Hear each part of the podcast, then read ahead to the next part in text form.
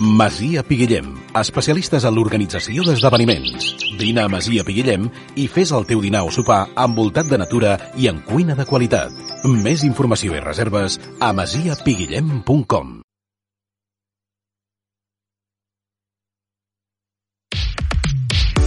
Olot entén, un programa per donar veu a les persones, per reconèixer, respectar i tractar dignament les diferents maneres de ser, d'estimar i d'expressar-se. Olot entén, un espai de suport, escolta i diàleg per visibilitzar la diversitat afectiva, sexual i de gènere a casa nostra. Un programa de Ràdio Olot pels drets de les persones LGTBI, amb el suport del Servei d'Atenció Integral per la Diversitat Afectiva, Sexual i de Gènere del Consorci d'Acció Social de la Garrotxa. Tens preguntes, dubtes o suggerències? Vols explicar la teva experiència? Posa't en contacte amb nosaltres a través de les xarxes socials de Ràdio Olot. Olot entén. Escolta'l els dimecres a dos quarts de dues del migdia i sempre que vulguis al podcast de radioolot.cat. Ràdio Olot, ara i sempre compromesos amb la societat.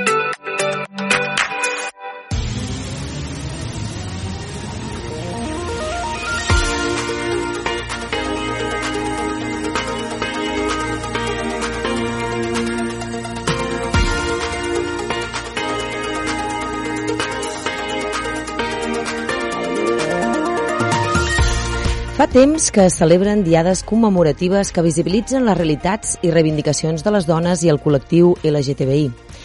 N'hi ha molts de dies, però segurament el 8 de març és una de les dates més coneguda i assenyalada. Aquest dia, el Dia Internacional de les Dones, el símbol d'una història de segles en lluita, on molts col·lectius feministes s'impliquen en l'organització d'accions i manifestacions. El 8 de març ha esdevingut un dia per reivindicar que les dones, totes i diverses, puguem gaudir dels nostres drets d'una manera real i efectiva, perquè el feminisme és una lluita conjunta contra la desigualtat i contra tota opressió. Denunciar les injustícies i reivindicar els drets humans, però, s'ha de fer cada dia i no només el 8 de març. I tu, t'hi sumes? Olot entén, un programa per donar veu a les persones, per reconèixer, respectar i tractar dignament les diferents maneres de ser, d'estimar i d'expressar-se. Amb Tina Ruiz.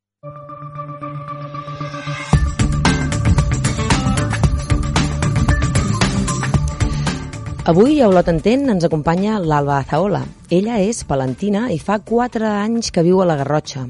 És il·lustradora i il·lustradora científica, fa documentals, li encanta ballar i Mèxic, i vesteix huipiles, una peça de roba típica de les indígenes mexicanes i centroamericanes, bordada de molts colors.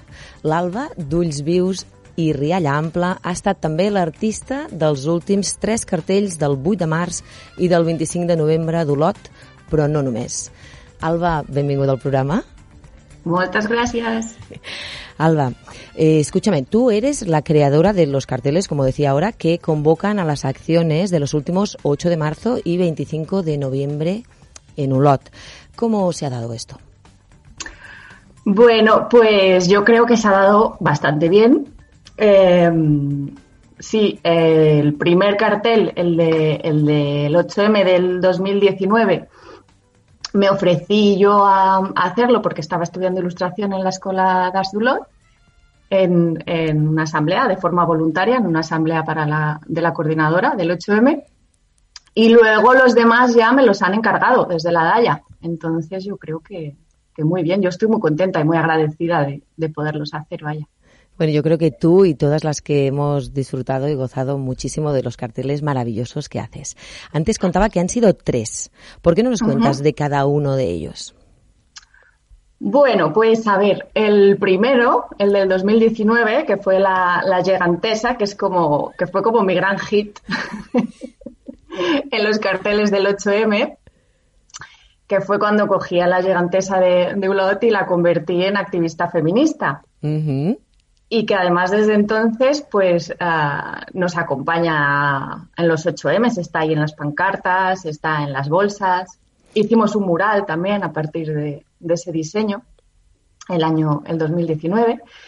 Y, y bueno, pues ese, eh, bueno, eh, a mí me gusta mucho uh, coger eh, figuras, bueno, tenía que hacer el 8M de Ulot y dije, ¿qué figura representativa de Ulot para llamar la atención de, del Solutins. Y, bueno, pues este, este es un juego que ya he hecho también con, con, el, con el cartel del orgullo de, de LGTBI de, de, Palencia, de coger un símbolo así como muy sacrosanto, muy estático en su pedestal y bajarlo de ahí y ponerlo a luchar a nuestro lado y a reivindicar y a jugar. Y entonces, pues cogí a la gigantesa, le puse estas flores en la cabeza, le levanté la mirada para que mirara fijamente a Slutins, le puse el pañuelo de la revolución y nada, y se convirtió ya, ya en un símbolo del 8M de Blot. y, y, bueno, pues eso, luego hicimos el mural eh, de la gigantesa con varias compañeras de, de la Escuela de Arts. Está en el, en el Ateneo Popular Malapeja, ¿no? Eso, ahí está, en la pared del Ateneo. En la pared. Y este fue el primer año, el, año, el primer año, perdón. El segundo año. ¿El año pasado? El, año pasado, sí. Eh, bueno, fue.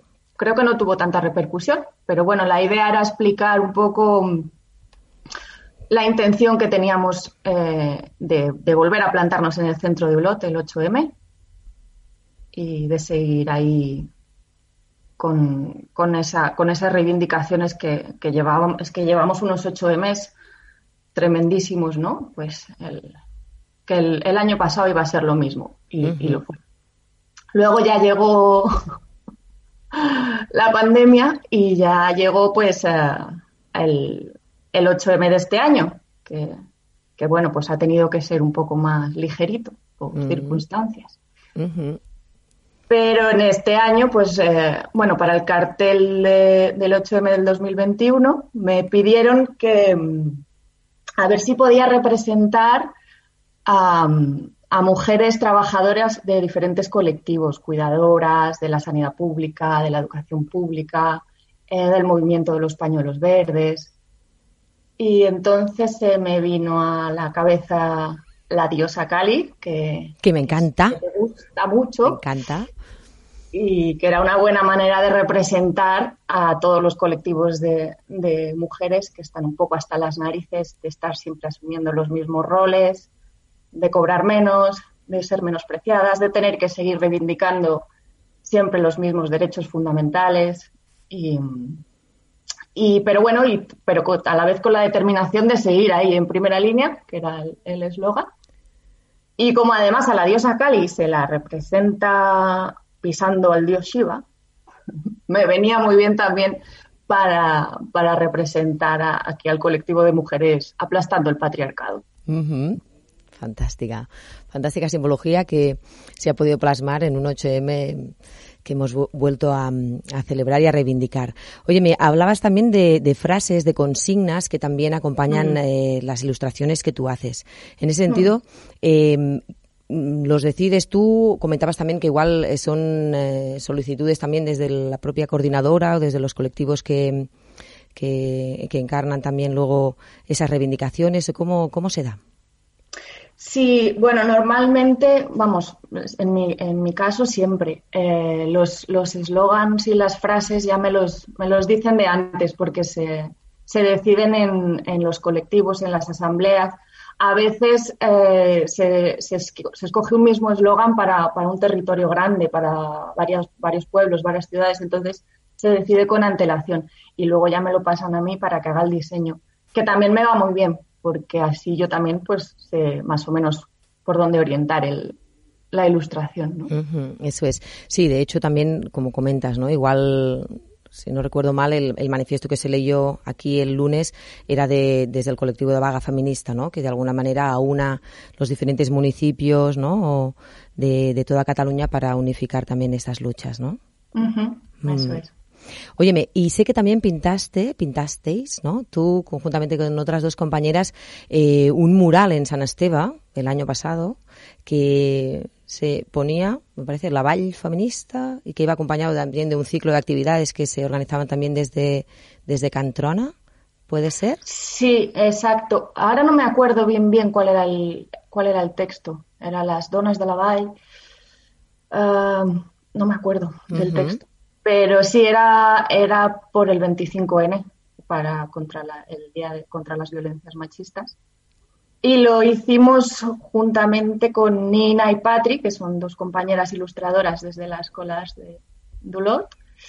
Y, y bueno, eh, la idea era poner en valor em, el papel de las donas de la valle en, el municipio. Entonces, eh, pensamos en hacer, en representar a las diferentes generaciones de mujeres y poner elementos característicos de la valle en los que, bueno, juegan un, papel importante eh, las mujeres de la valle y se nos ocurrió hacer un poco este diseño así de, de collage. La verdad que fue un proceso muy bonito de hacer porque mientras estábamos allí pintando, pues se pasaba mucha gente a decirnos que les gustaba mucho, a contarnos sus experiencias. Pasaban muchas mujeres a contarnos, eh, muchas mujeres de la valle, a contarnos sus experiencias.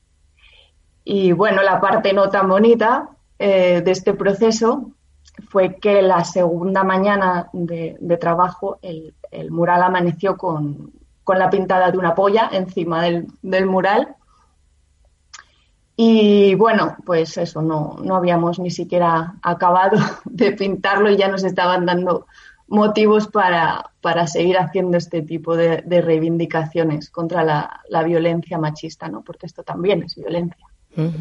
Una polla en un mural feminista es tremenda violencia. Total, un ataque total directo, ¿no? Mm.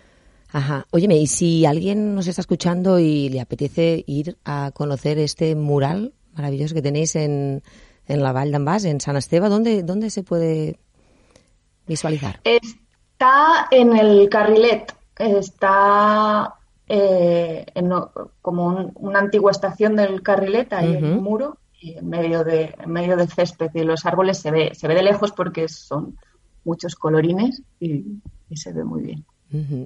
Óyeme, Alba, antes eh, lo comentabas también, eh, en relación aquí al uso de la gigantesa, ¿no? Para ese cartel del 8 de marzo del 2019. También hablabas de, mm, de otra colaboración que hiciste, eh, en este caso relacionado con un colectivo LGTB Plus de Palencia.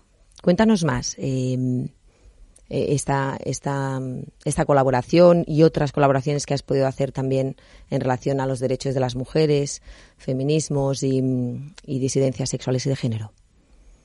Bueno, pues sí, aparte del, del 8M, los carteles mm, con los que, para los, o sea, los colectivos para los que he hecho carteles principalmente han sido, bueno, ha sido este, eh, colectivo que me comentas, Chiquitex, Chiquites LGTBI Plus eh, de Palencia, que es una asociación, bueno, es la Asociación por los Derechos del Colectivo LGTBI Plus eh, de mi ciudad. y para mí es muy especial porque, porque Palencia es una ciudad muy chiquitita, una ciudad de provincias, eh, y de tradición conservadora. Entonces es un lugar donde siempre ha sido ah, difícil expresarse libremente en preferencia sexual, en identidad de género y en muchas otras cosas. Y mucha gente se ha tenido que ir por este tema precisamente. Entonces que exista esta asociación allí, pues mm, yo creo que es, que es fundamental. Bueno, como allí veremos aquí o, o este programa que tú haces.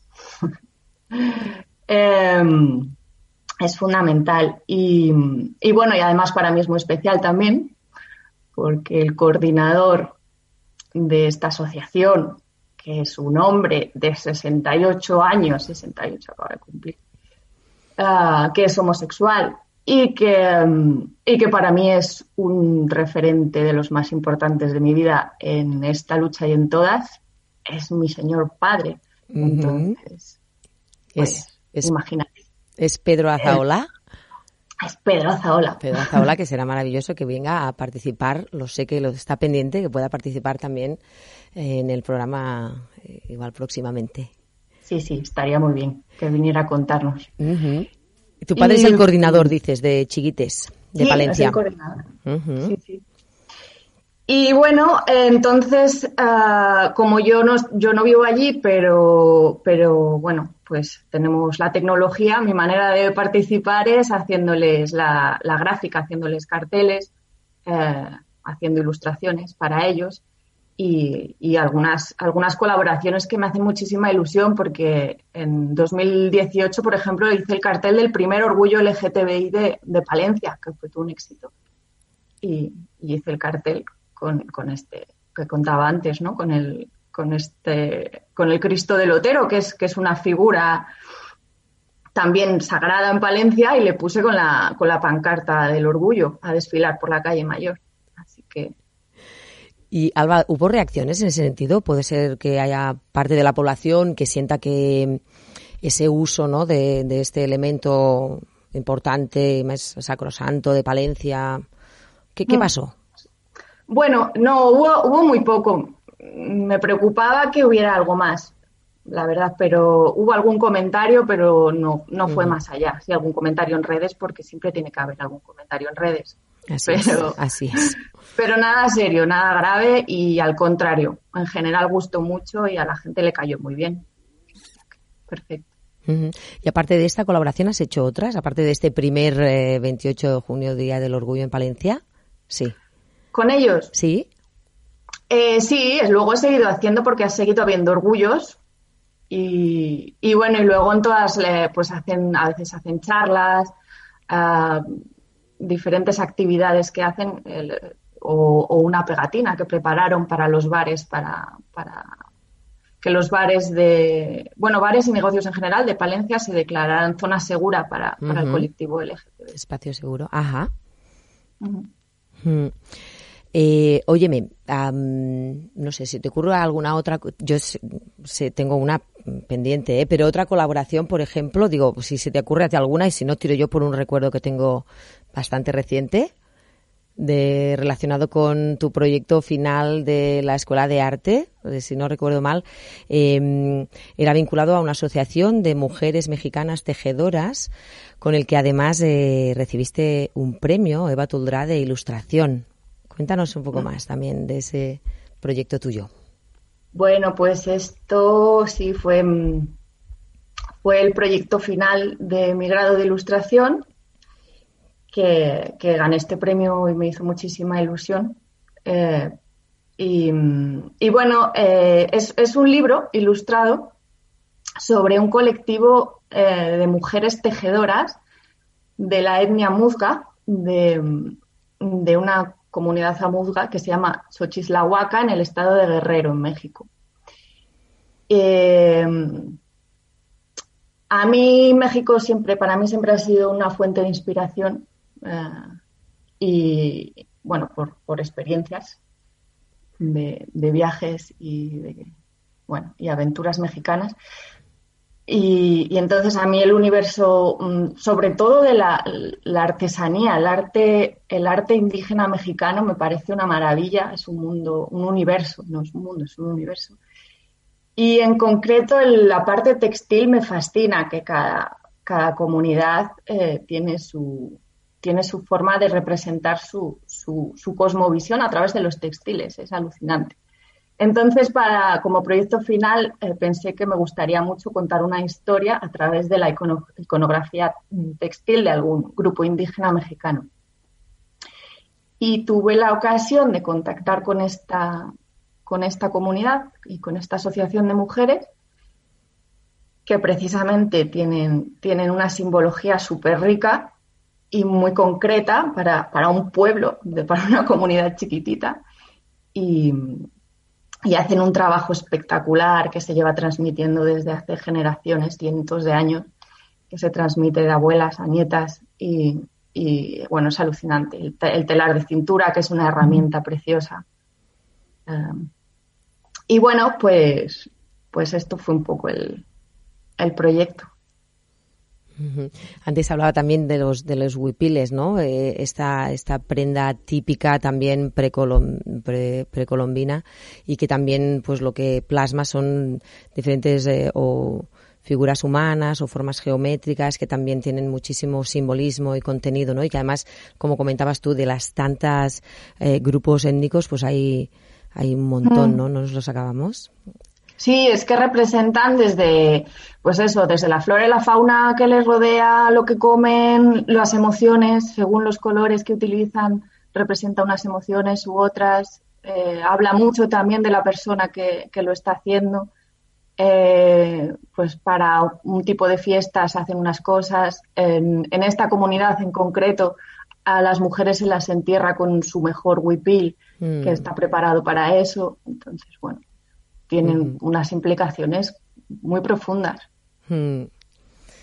Te escucho y también me emociona porque para mí también México ha sido un, un lugar en el mundo muy importante en el que he vivido un tiempo y, y en el que cuando me fui de ahí hace ya demasiados años eh, dije que volvería y todavía no se ha dado, pero pues igual y se dará. Volveremos. Volveremos, sin duda. Oye, Alba, em, además de ilustración, también eh, tienes propuestas documentales. Por ejemplo, recuerdo que hace unos años pudimos disfrutar aquí en el Nuria Social de, Desierto Líquido. ¿Nos puedes hablar, aunque sea fugazmente, de, esta, de este proyecto? Sí.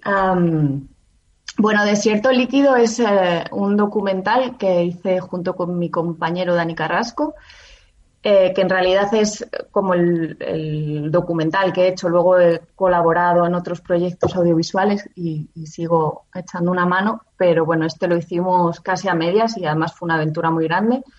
En esa época, empezamos en 2012.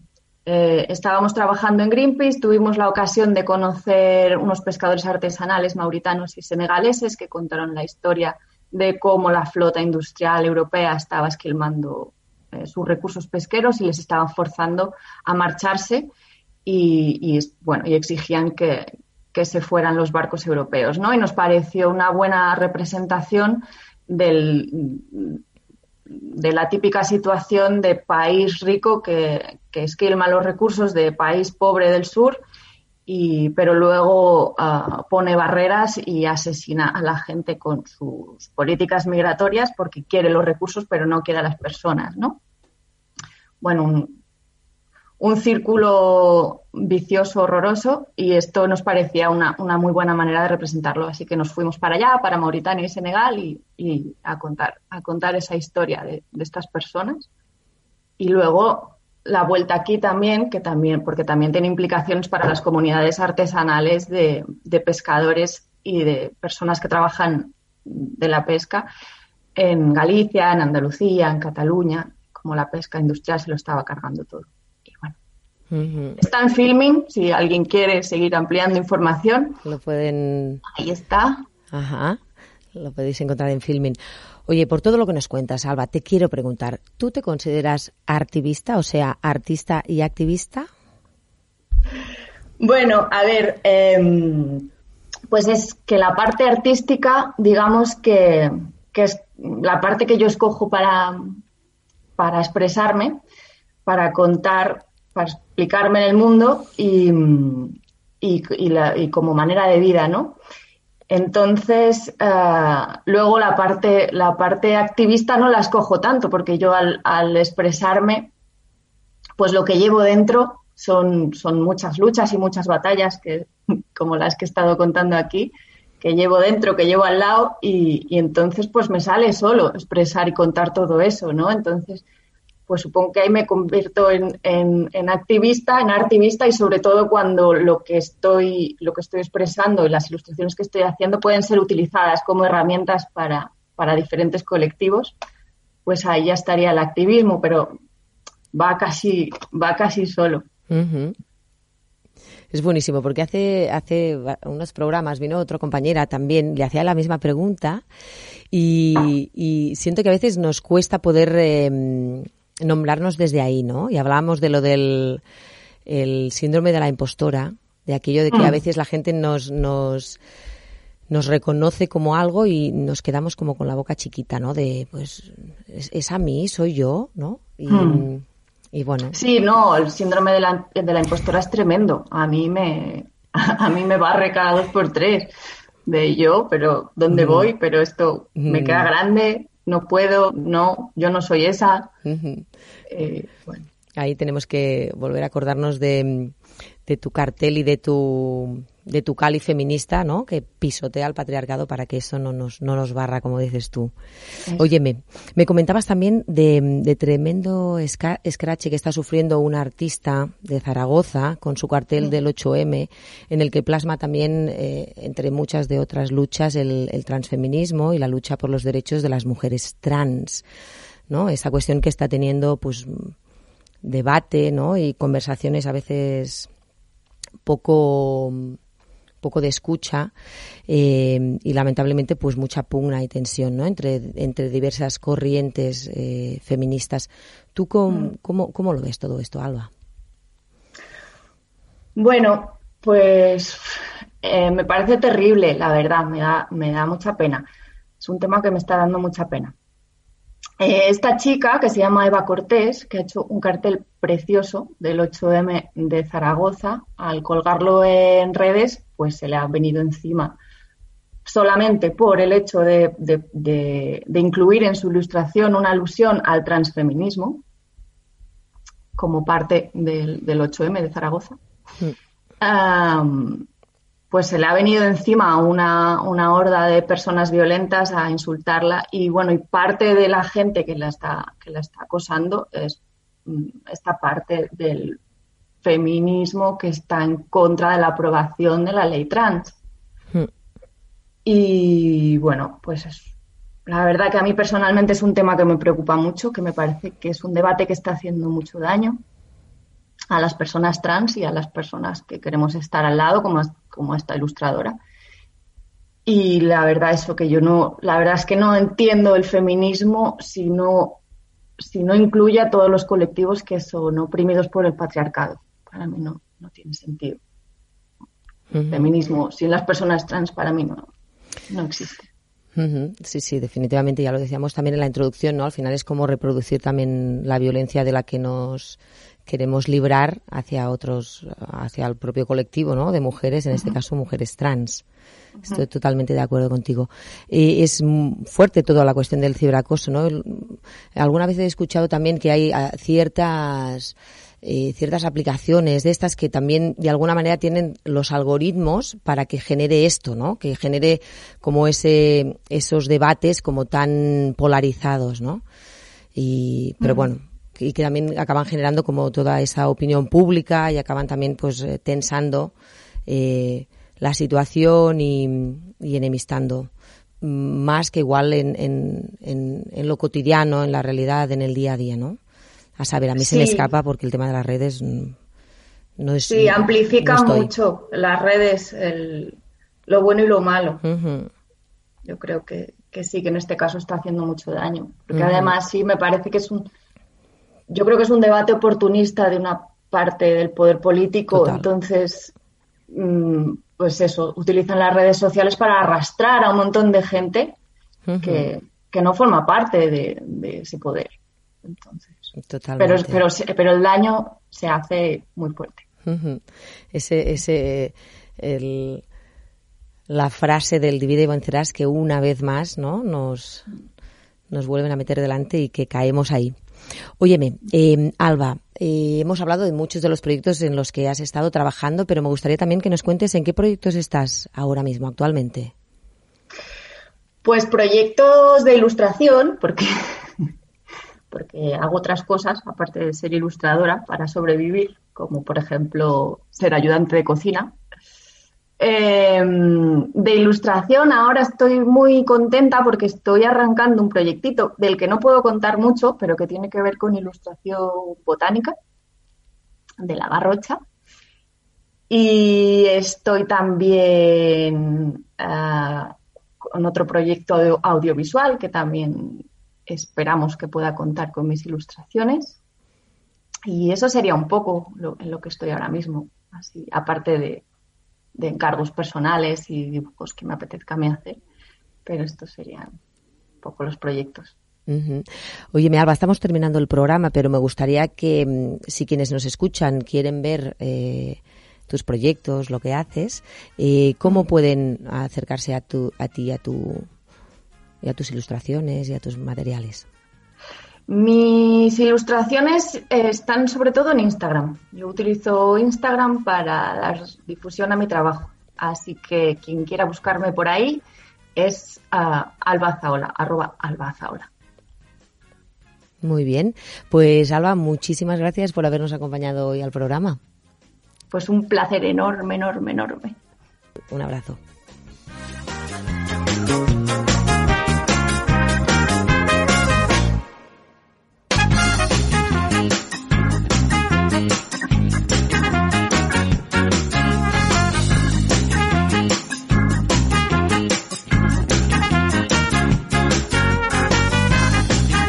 Olot entén, pels drets de les persones LGTBI.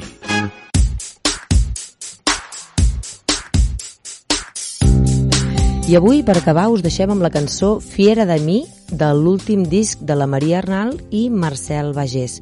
Alba, cuéntanos por qué nos has escogido esta canción. Bueno, pues he escogido esta canción porque la María Arnal para mí es fuente de inspiración, me encanta cómo trabaja y cómo comparte sus procesos creativos en redes, aprendo un montón de esta mujer. Y esta canción es el primer tema que han sacado de su nuevo disco y me parece eh, preciosísimo, súper divertido, sensual. Habla un poco de, de la pereza de ser humana en este mundo, pero luego se desarrolla de una forma muy bonita y muy divertida. Y es muy bailable que, que la disfrutéis. pues, eh, doncs amb aquesta cançó ens acomiadem fins la setmana vinent a Olot Entén.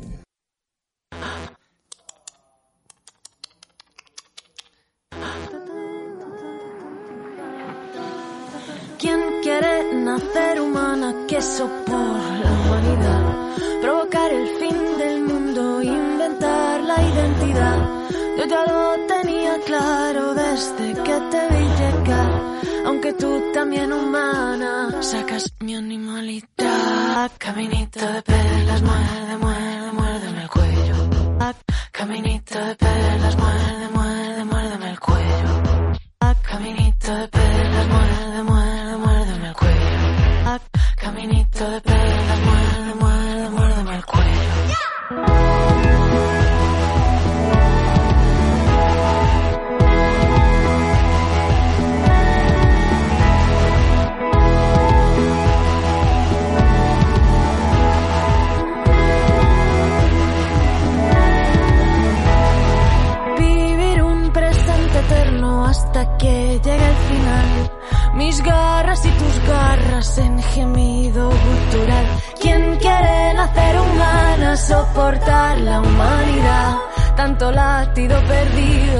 el clic del capital.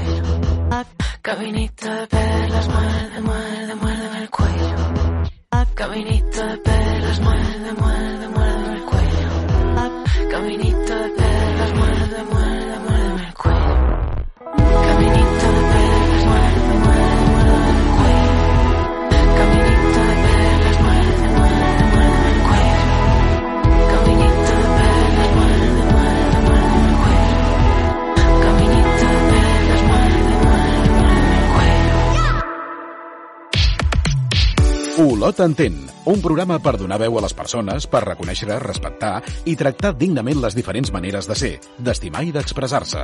Olot entén, un espai de suport, escolta i diàleg per visibilitzar la diversitat afectiva, sexual i de gènere a casa nostra. Un programa de Ràdio Olot pels drets de les persones LGTBI, amb el suport del Servei d'Atenció Integral per la Diversitat Afectiva, Sexual i de Gènere del Consorci d'Acció Social de la Garrotxa. Tens preguntes, dubtes o suggerències? Vols explicar la teva experiència?